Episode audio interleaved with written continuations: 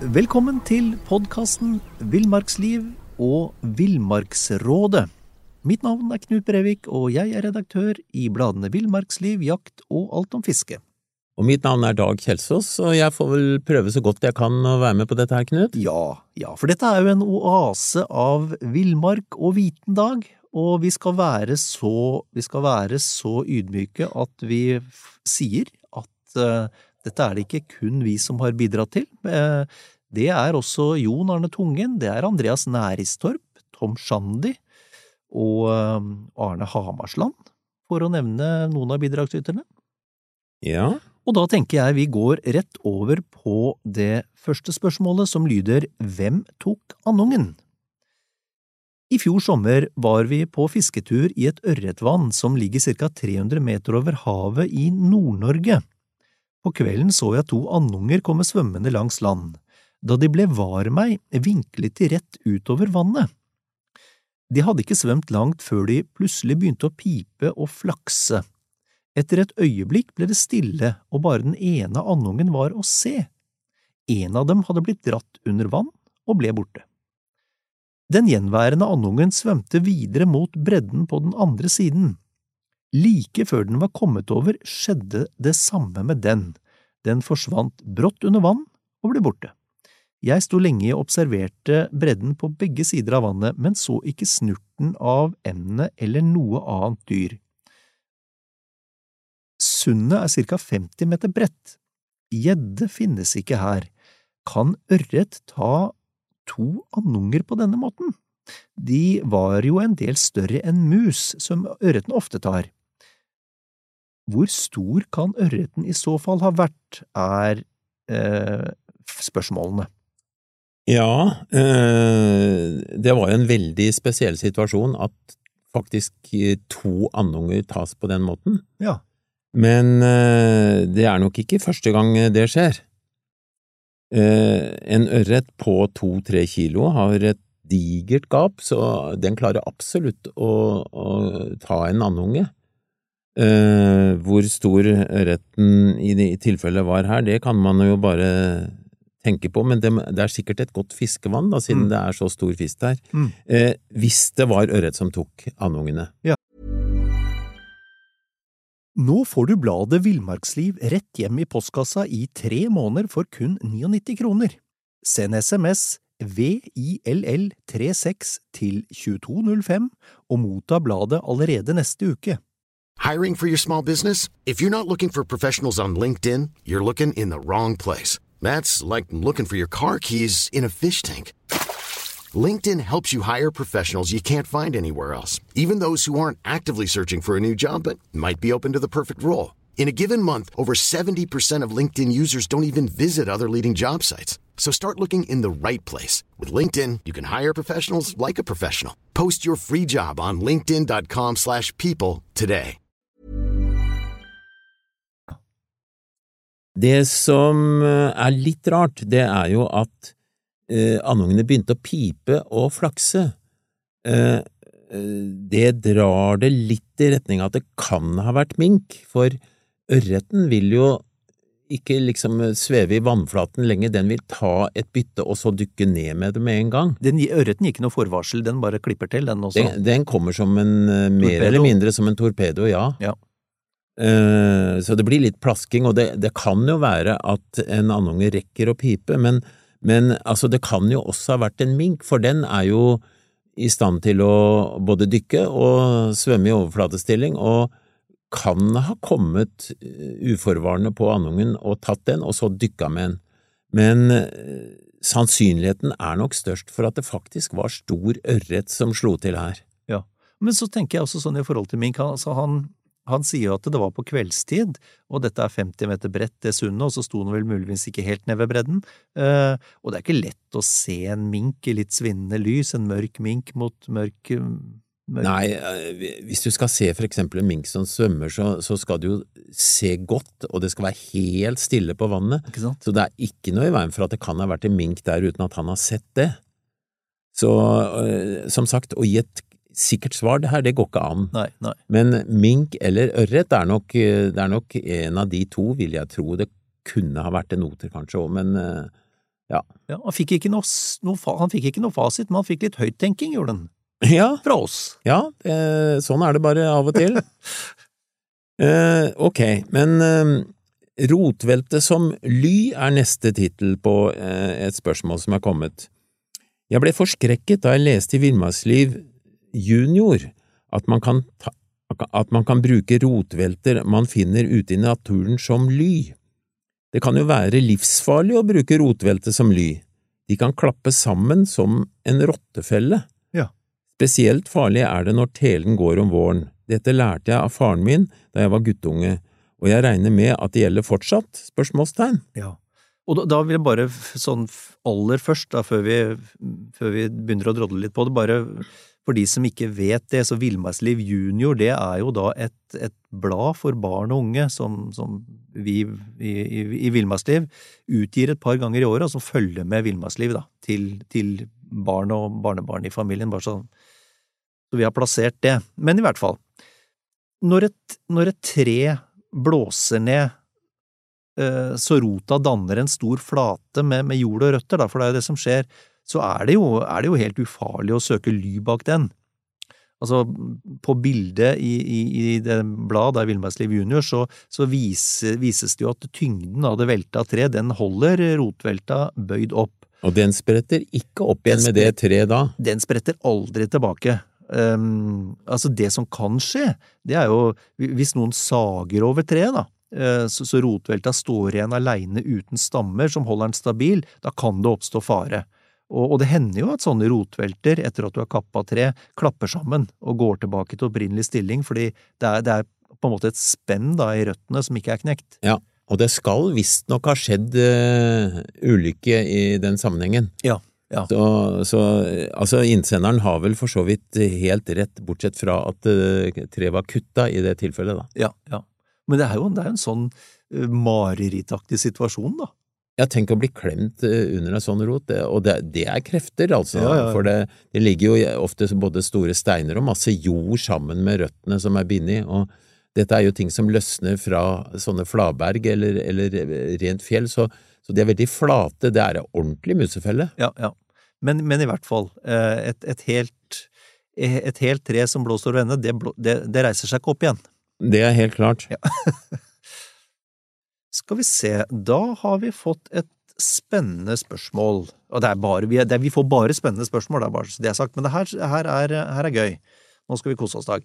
Um, flåttsmitte i kjøttet. Uh, Det lyder som følger. Det er ikke så mye flått der jeg vanligvis jakter, men når jeg drar til Vestlandet på hjortejakt, er det nesten uappetittlig å vomme ut og flå enkelte av hjortene. Det sitter feite, fæle flåtter tett i tett på dem. Hvis flåtten har overført smittestoffer til hjorten, kan jeg få det i meg på samme måte som for eksempel trikiner? Vil det i så fall hjelpe å varme opp kjøttet til en viss temperatur for å unngå smitten? Og nå er jeg spent på hva du sier, Dag. Ja, dette her, eh, hva er det de pleier å si, dette suger jeg ikke av eget bryst, alt jeg skal svare på nå. Ok, nå er du, nå er du ydmyk, men nå, greit nok. Eh, Men jeg, jeg vet såpass om at, at eh, trikiner og flått, det er eh, Altså, det vi kan få i oss via de, det er vidt forskjellige greier. Mm. Eh, Når det, når det gjelder flått, så er det jo fortsatt en del vi ikke vet, faktisk, fordi vi får kalle det en relativt ny viten, i og med at flåttsykdommene også er relativt nye i Norge, da Mm. Mm. Uh, i forhold til ting vi har hatt i hundrevis av år. For Flåtten har jo kommet da med, med litt mildere klima. Men uh, det vi vet, det er jo at det er i hovedsak to sykdomsfremkallende infeksjoner uh, som, som følger med flåttbitte, da. Det er borrelioseinfeksjoner, Mm. altså en bakterie. Ja. Og så er det det veldig vanskelige ordet skogflåttencefalitt. Ja. TBE-viruset, TB, det, det er mye lettere å si TBE, Knut. ja, for den, og det, det vil jeg bare skyte inn fra sidelinjen for den har jeg vaksinert meg mot, og den er faktisk mulig å vaksinere seg mot. Ja, det, det- det stemmer. Så de, de, som, de som er mye i flåtteområder, de må vurdere det, absolutt.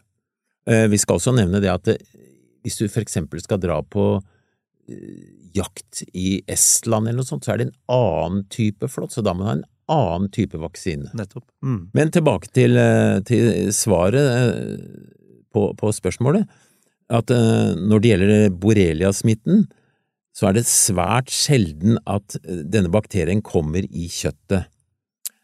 For hjortedyra har et godt utvikla immunsystem mot borrelie, og det virker nærmest som, som de klarer å, å, drepe denne evnen i flåtten til å, å, smitte med borrelia. Du kan jo tenke deg hvordan det hadde gått, Knut, hvis en hjort eller et rådyr Vi har jo sett av og til at det er hundrevis av flått mm. på de. Det henger Så, i klaser, vet du. Ja, ja. Så hvis det hadde vært øh, holdt på å si livsfarlig for dem, så, så ville de jo nærmest dødd ut. Mm. Mm. Uh, så, så, men, men altså, det, det, er muligheter for at det, at det kan være, være en fare her. Men så har vi det at magesyra vår, den vil jo drepe eventuelle bakterier som kommer dit. Ja, for det er saltsyre. Det, ja, det er sterke greier.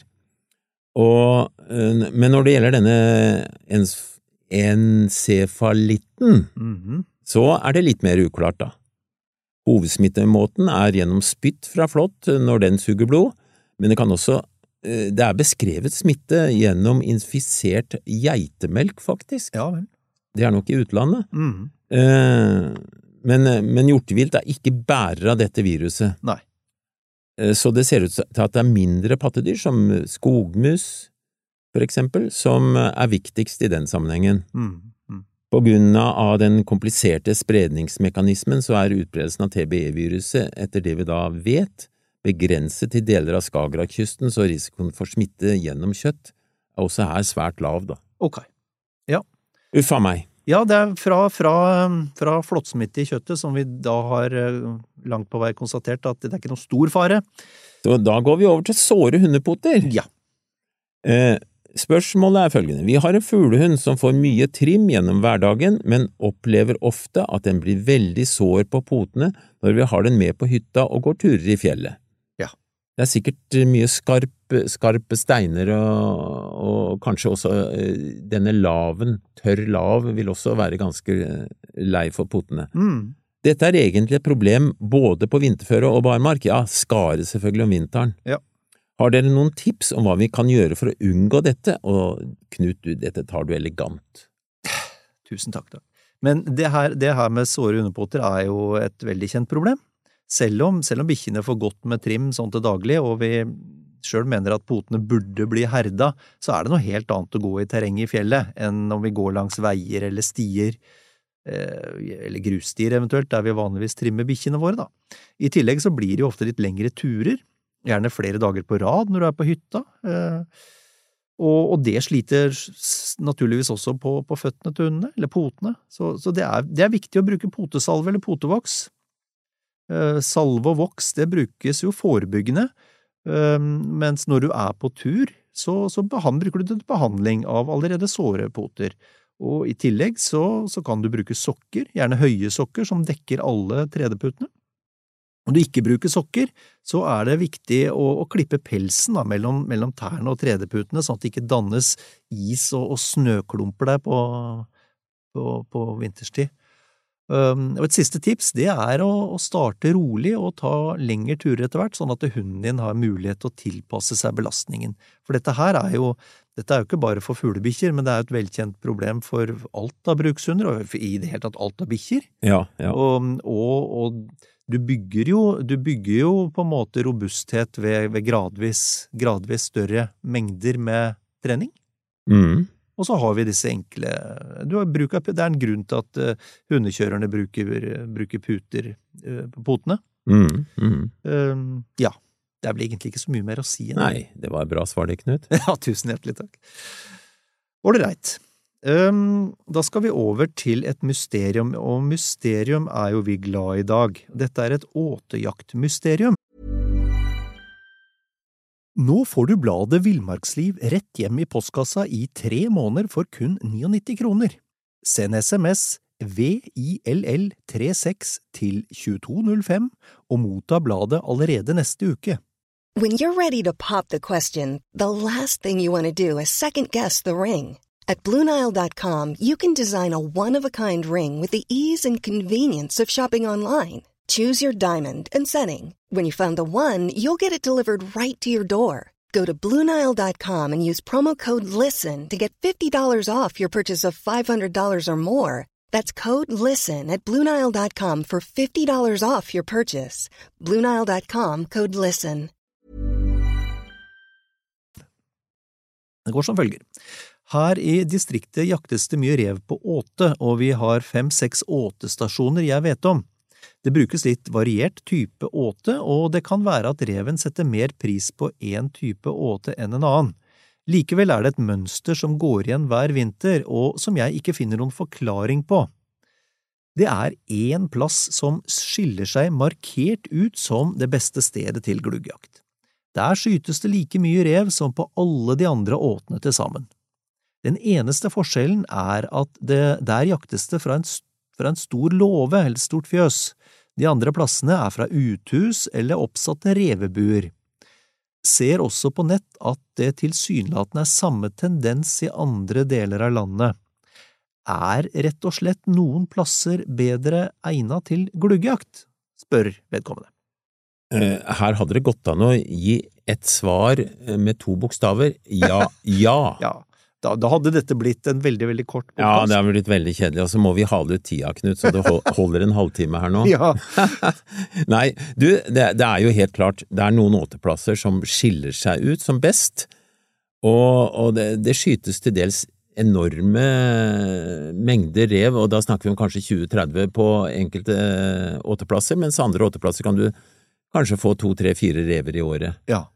Og det er mange, mange ting som kan spille inn her, altså. Det, det er ikke bare beliggenheten, men vi kan ta åtekvaliteten, at reven liker maten, eh, at det er for eksempel en uheldig vindretning på stedet som er dominerende, sånn at reven ofte får lukt av den som sitter og skal jakte, eller fra huset som er like ved. Ja.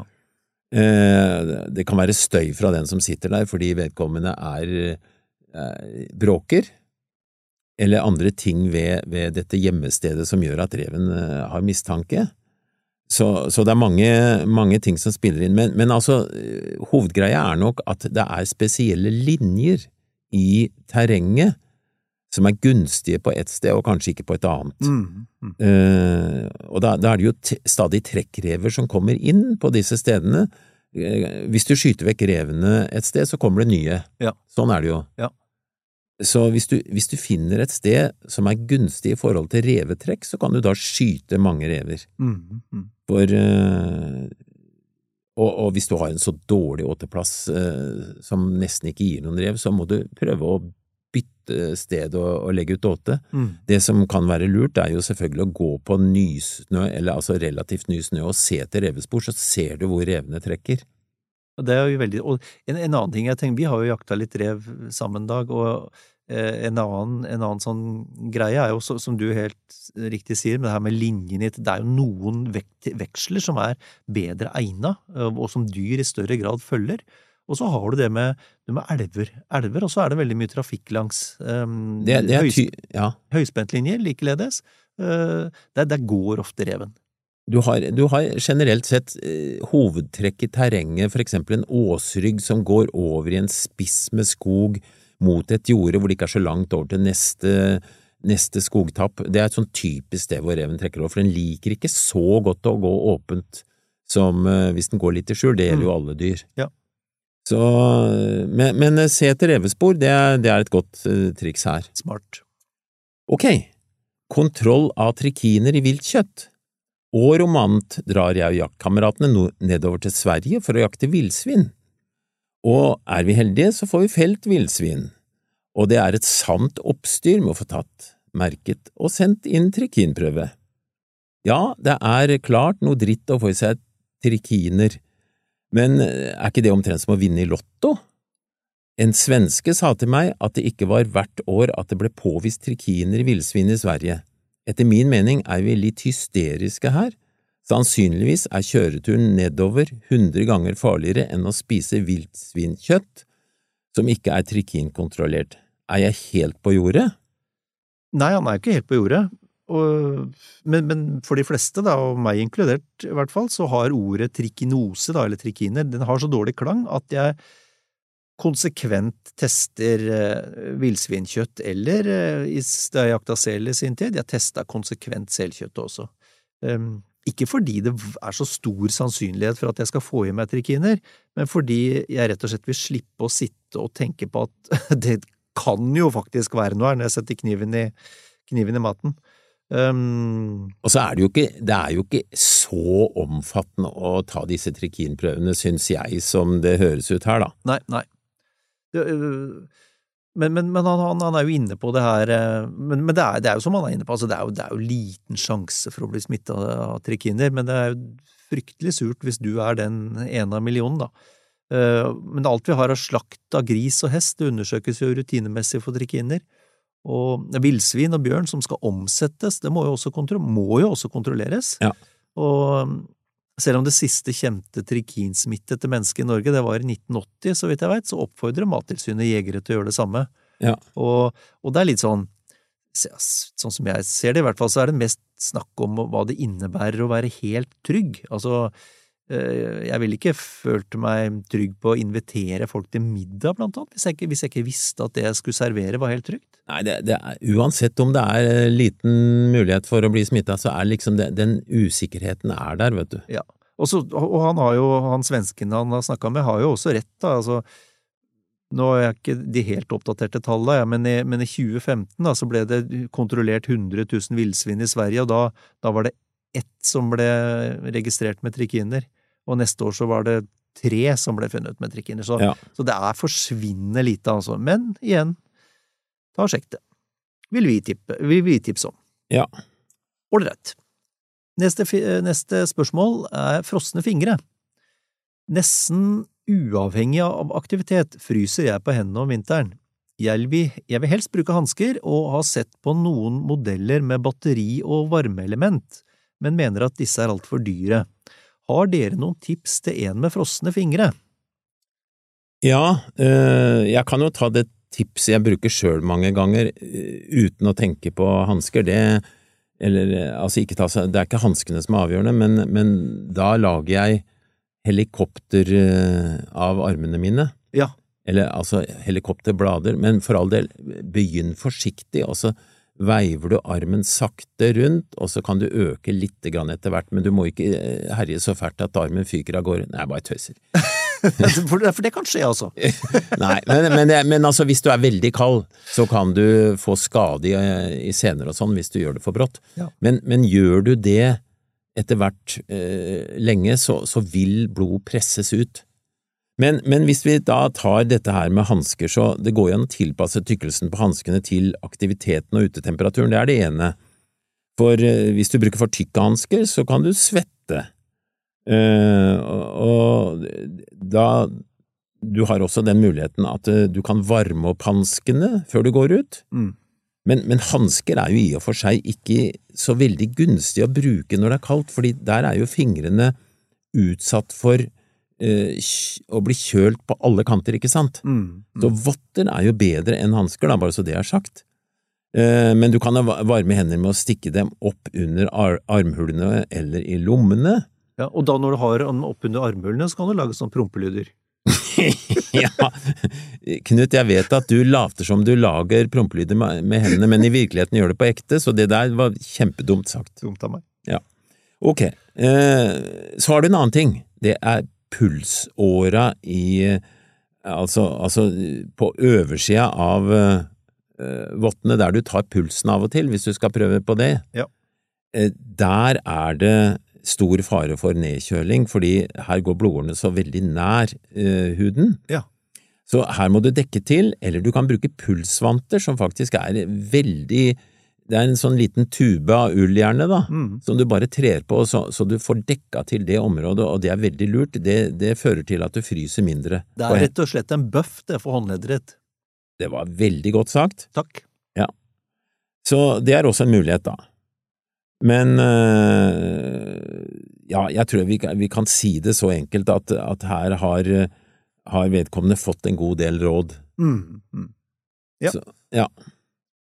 Hvis vi går over til neste spørsmål, så øh, heter det Hvem lager hullene? Ja. Eh, og det gjelder ikke ost, Knut. Det gjør ikke det, nei. Nei, Okay. men det begynner med kyr.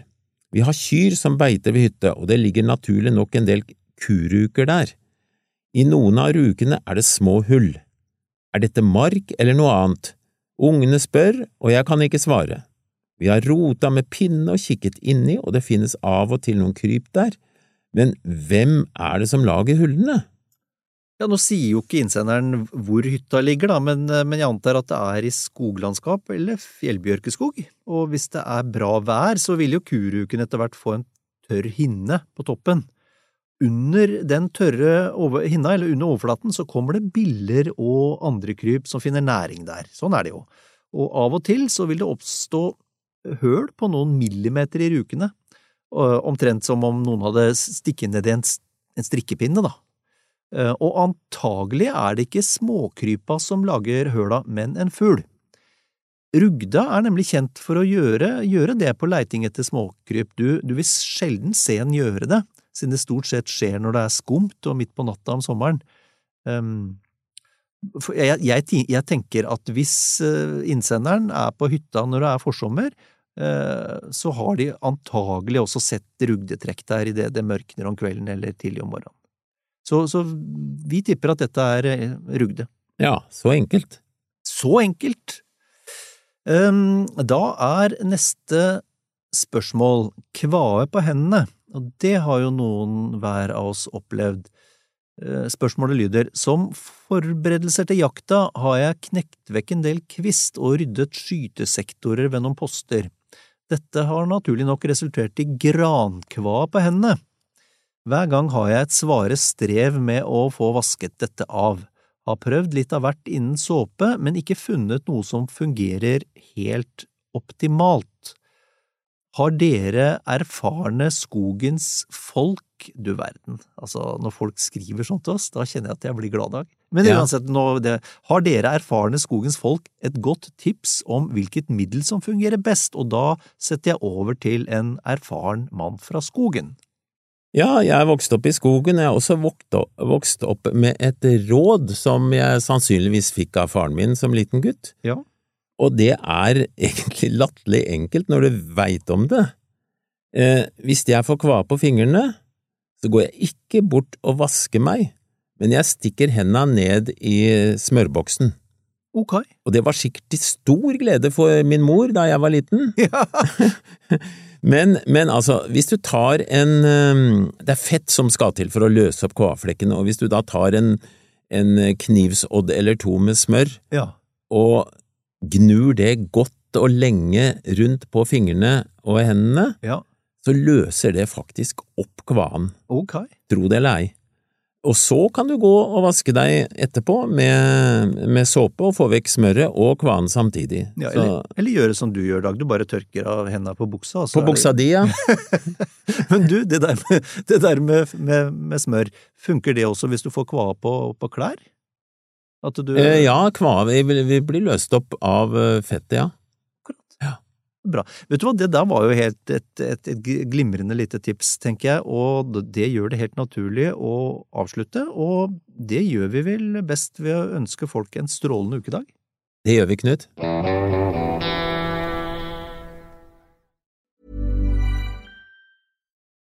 Nå får du bladet Villmarksliv rett hjem i postkassa i tre måneder for kun 99 kroner. I Villmarksliv kan du lese om norsk natur, ærlige tester av klær og utstyr, og mange gode turtips skrevet av erfarne friluftsfolk, fiskere og jegere. Send SMS VILL36 til 2205 og motta bladet allerede neste uke. Lev livet villere med bladet Villmarksliv. Hi, I'm Daniel, founder of Pretty Litter. Did you know cats tend to hide symptoms of sickness and pain? I learned this the hard way after losing my cat, Gingy. So I created Pretty Litter, a health monitoring litter that helps detect early signs of illness by changing colors, saving you money and potentially your cat's life. Pretty Litter is veterinarian developed, and it's the easiest way to keep tabs on your fur baby's health right at home. Go to prettylitter.com and use code ACAST for 20% off your first order and a free cat toy. Terms and conditions apply. See site for details. Mom deserves the best, and there's no better place to shop for Mother's Day than Whole Foods Market. They're your destination for unbeatable savings, from premium gifts to show-stopping flowers and irresistible desserts. Start by saving 33% with Prime on all body care and candles. Then get a 15-stem bunch of tulips for just $9.99 each with Prime. Round out Mom's menu with festive rosé, irresistible berry chantilly cake, and more special treats. Come celebrate Mother's Day at Whole Foods Market.